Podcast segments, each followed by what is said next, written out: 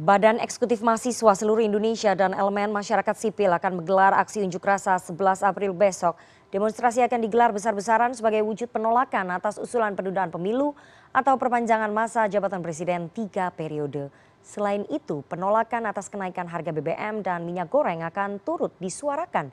Bagaimana pemerintah kemudian merespon suara keresahan mahasiswa yang mulai bermunculan ke publik? Untuk membahasnya lebih dalam kita sudah terhubung melalui sambungan Zoom dengan Menteri Koordinator Bidang Politik, Hukum dan Keamanan Republik Indonesia Mahfud MD. Selamat sore Pak Menko. Selamat sore Rifana. Oke, Pak Menko, uh, pemerintah tampaknya sangat serius ini menyikapi rencana demonstrasi besok 11 April yang dimotori mahasiswa sampai Anda menggelar rapat khusus dengan beberapa menteri lainnya untuk mengantisipasi pengamanan uh, demo besok. Apakah kemudian pemerintah sangat khawatir dengan aksi unjuk rasa 11 April, Pak Mahfud? Ya biasa aja. Hmm. Sebenarnya setiap akan ada demo kayak gini kan kita rapat hmm. gitu ya, mendengar laporan pemetaan situasi kayak apa, dari Polri bagaimana, dari BIN bagaimana, Mendagri bagaimana, kita dengar semuanya. Lalu apa yang yang sudah dan harus dilakukan. Sejak dulu begitu kan, hmm. uh, seperti dulu yang rame-rame soal apa uh, endgame, Jokowi endgame dan sebagainya. Kita rapat. Yang ribut kan Eh, medsos kok rapat kok seperti serius sekali itu kan tugas rutin aja ini juga rutin bahwa ada demo ya kita uh, adakan rapat dan kita antisipasi semuanya dan kita kanalisasi hmm. masalahnya apa kan ini kan negara demokrasi ya.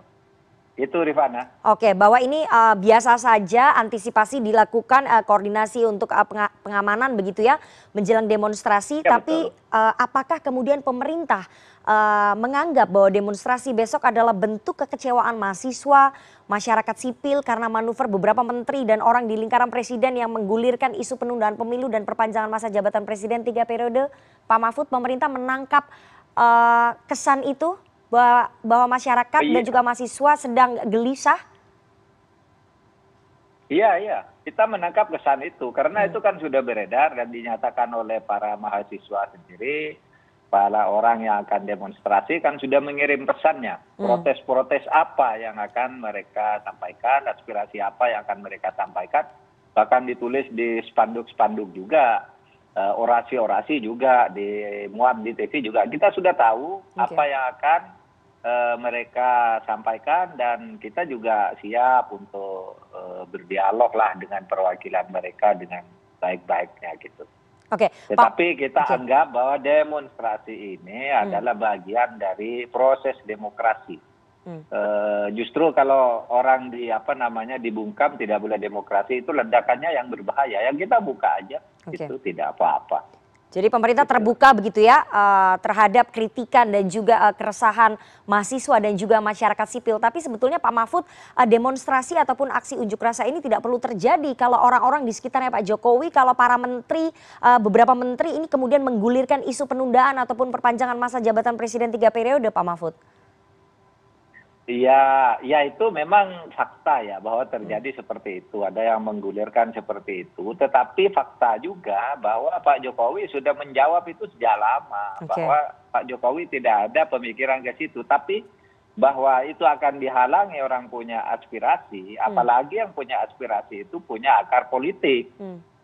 Seperti menteri si A itu pimpinan partai politik, eh, menteri B juga punya kaitan politik, dan seterusnya. Lalu bicara dari baju partai politiknya kan tidak tidak bisa dilarang lah. Hmm. Tetapi sikap presiden sejak awal sudah jelas kan. Okay. tahun 2024 itu ya pemilu dan harus disiapkan dengan sebaik-baiknya kan gitu. Oke oke, uh, Pak Mahfud, yang menjadi isu unjuk rasa kan bukan hanya soal uh, persoalan perpanjangan tiga periode ya atau penundaan pemilu, tetapi persoalan naiknya harga bahan pokok dan juga BBM. Pemerintah menangkap tidak sih bahwa adanya keresahan sosial uh, soal ekonomi ini di masyarakat yang mulai muncul, Pak?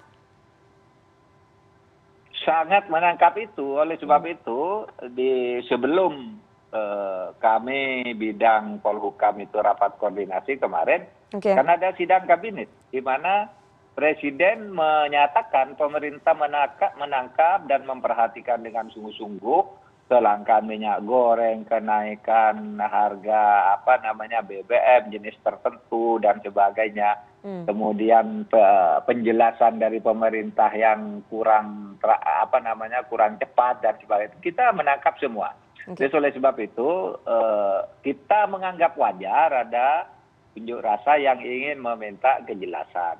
Karena eh, dan pemerintah juga akan menjelaskan itu tentang apa yang sudah dilakukan dan apa yang akan dilakukan lebih lanjut.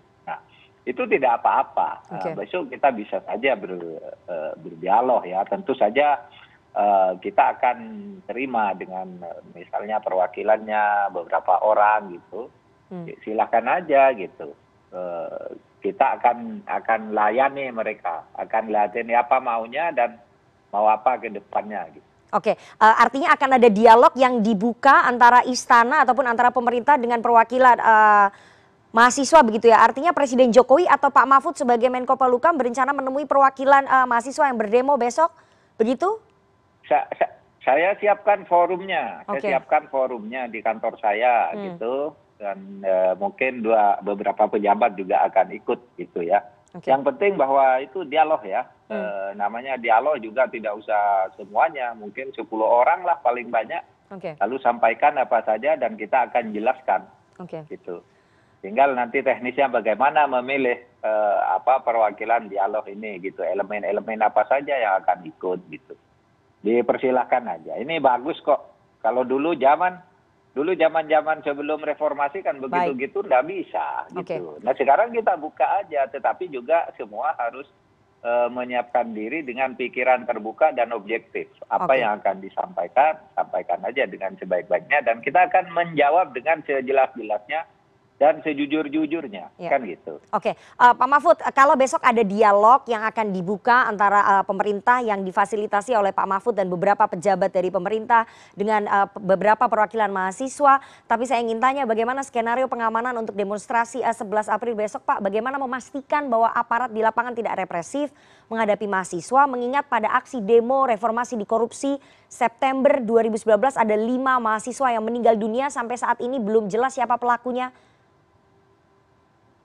ya eh, pemerintah sudah menyiapkan eh, apa namanya sudah membuat pemetaan hmm. titik-titik datangnya orang di mana korlap siapa kemudian jalannya ke mana ya kita kita siapkan semuanya. Dan uh, pemerintah memastikan bahwa aparat besok lebih baik menggunakan apa namanya penghalang penghalang yang hmm. apa namanya yang wajar. Hmm tidak usah membawa senjata atau peluru tajam gitu. Okay. Ini kan orang-orang teman-teman kita juga gitu. E, tetapi juga sesuai dengan prosedur tidak hmm. boleh ada anarkis gitu. Okay. Karena kita juga berlapis ada penghalangan secara fisik gitu, kemudian nanti ada e, apa namanya pe, e, apa water cannon itu.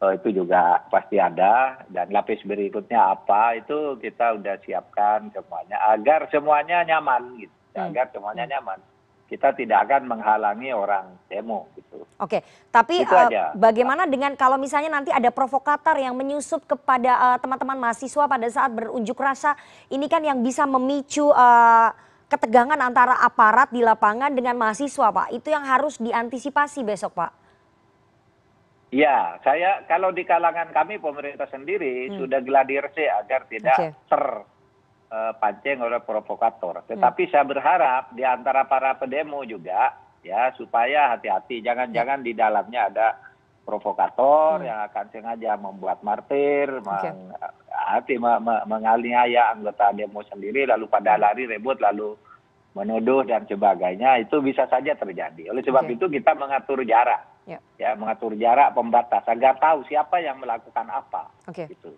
Oke, itu uh, aja. Oke, kalau antisipasi untuk demonstrasi tampaknya sudah dilakukan oleh pemerintah dan ada jaminan dari Pak Mahfud sebagai Menko Pelukam bahwa aparat tidak akan bertindak represif. Saya ingin tanya jaminan Anda sebagai Menko Pelukam seberapa serius sebetulnya komitmen pemerintah dalam menyelenggarakan pemilu 2024, Pak Mahfud? Pemilu 20, 2024 kalau pemerintah ya memastikan akan menyiapkan dengan sebaik baiknya bahwa agenda itu ya sudah dinyatakan berkali-kali oleh presiden dan saya sudah ditugaskan juga berkali-kali Hmm. eh, oleh presiden untuk menyiapkan 2024 itu adalah pemilu yang Oke. sudah ditetapkan oleh konstitusi dan oleh undang-undang Hmm, gitu. hmm. Eh, berubahnya pemilu 24 itu hanya bisa terjadi kalau ada perubahan konstitusi. Ini kan tidak hampir tidak mungkin ya ada perubahan konstitusi sementara proses pemilu sudah mau mulai. Merubah konstitusi itu kan tidak mudah gitu. Ada proses pengusulan, pembentukan badan pekerja, kemudian sidang-sidang sekian kali, konsultasi publik. Ini waktunya udah pendek. Ya. Sehingga eh, kami harus memastikan bahwa pemilu 2024 itu harus disiapkan dengan baik. Dan ingat, menurut Undang-Undang Dasar, penyelenggara pemilu itu adalah KPU. Ya. Oleh sebab itu KPU ya harus berani independen. Hmm. Pemerintah hanya memfasilitasi. Anda perlu anggaran berapa? Ayo yang wajar. Tidak akan dihambat Oke. gitu. Yang wajar berapa eh, uang Baik. itu diperlukan eh, ya kita kita sediakan. Tapi mengenai jadwal, mekanisme, proses dan berbagai yang sebagainya itu kan eh, yang menentukan nanti KPU. Kalau perlu nanti sebuah payung hukum diperlukan dari pemerintah ya minta ke pemerintah nanti kita buatkan gitu. Kan gitu. Oke, eh, ngomong-ngomong soal itu anggaran. aja jaminannya. Tidak Ya. bisa lebih dari itu karena kita tidak boleh mengintervensi pemilu ya. Oke, ngomong-ngomong Apa soal KPU? anggaran, KPU itu independen menurut Undang-Undang Dasar. Ya Pak Mahfud ngomong-ngomong soal anggaran tadi Anda sudah mention itu ya eh, bahwa pemerintah akan menyediakan Ya. anggaran asalkan yang wajar. Tapi kan ini sudah mepet waktunya menjelang tahapan pemilu bulan Juli eh, 2022. Komitmen pemerintah eh, dalam menyelenggarakan pemilu apakah dengan segera menetapkan anggaran, mengetok palu ataupun menyetujui anggaran yang diajukan oleh KPU dan juga Bawaslu? Karena ini waktunya sudah sangat mepet, Pak. Iya, iya. Pastilah pemerintah mau me- Hmm. pasti akan memenuhi anggaran itu. Tapi jumlahnya berapa itu kan harus bicara tiga segi dulu ya. Oke. Segitiga. Satu eh, KPU mengajukan, lalu DPR dan pemerintah membahas bertiga bersama KPU berapa Hmm. yang wajar. Begitu tuh diketok, itu ya cair. Dan bahkan tadi saya bicara dengan Hmm. Menteri Perekonomian itu sudah ada tahap-tahap Oke. pencairan dana pemilu yang tahun 2022 sekian, 2023 sekian, 2024 sekian itu sudah terproyeksi semua Baik. di dalam APBN dan rencana APBN dua tahun yang akan datang sudah diproyeksikan semua bahwa tahun 2024 itu ada biaya pemilu. Oke, Cuma kita harus oke. jumlahnya dulu dong biar Ya. fair. Oke. Biar fair, jangan karena mau ada pemilu lalu anggarannya tidak kita koreksi. Yang koreksi itu eh, pemerintahan yang baik harus begitu. Kita Oke. tunggu aja KPU bagaimana, apa maunya kan begitu. Oke, artinya uh, pemerintah siap uh, anggarannya begitu ya, asalkan sesuai dengan uh, perhitungan yang rasional begitu ya, tergantung KPU bagaimana uh, Iya. penganggarannya. Tapi pemerintah sudah memastikan bahwa ada alokasi anggaran dalam APBN kita untuk pelaksanaan pesta demokrasi ataupun pemilu 2024, begitu ya Pak Mahfud ya? Iya, ya ada anggaran, ada anggaran. Oke, Saya ada anggaran. Eksplisit tadi, baru Oke. saja kami rapat dengan presiden ini meskipun hari Minggu. Hmm. Lalu saya mendengar penjelasan dari Pak Erlangga sebagai Menko, Menko Perekonomian, Hmm. anggaran pemilu untuk setiap tahun itu Oke. sudah ada yang tahun yang tahun 2002 2020 dan ini sudah ada. Baik. Seluruhnya anggaran berapa sekian persen tahun 2022, sekian persen 2023, sekian persen nanti finalnya 2024. Oke. Itu sudah disiapkan semua dan itu kewajiban negara, bukan baik. hanya kewajiban pemerintah. Oke, ini menarik sekali informasi terbaru yang kami dapatkan langsung dari hasil rapat eh, terbatas Menko Polukam dengan Menko Perekonomian dan juga Presiden soal alokasi anggaran. Terima kasih infonya Pak Mahfud. Tapi pertanyaan Ya. terakhir satu saja. Sekarang ini elemen masyarakat dan mahasiswa krisis kepercayaan Pak terhadap komitmen pemerintah menyelenggarakan pemilu 2024. Saya ingin tanya, pemerintah bisa menjamin bahwa manuver politik, operasi politik yang dilakukan segelintir pembantu Presiden tidak akan mengganggu jalannya pemilu 2024 ya Pak ya? Ya, mudah-mudahan Oke. ya. Ya, Begini, begini. Hmm. Kalau kalau melihat rapat seminggu terakhir kan presiden sudah mengatakan agar para menteri tidak bermanuver itu kan sudah Ya. tidak ada manuver dari menteri. Baik.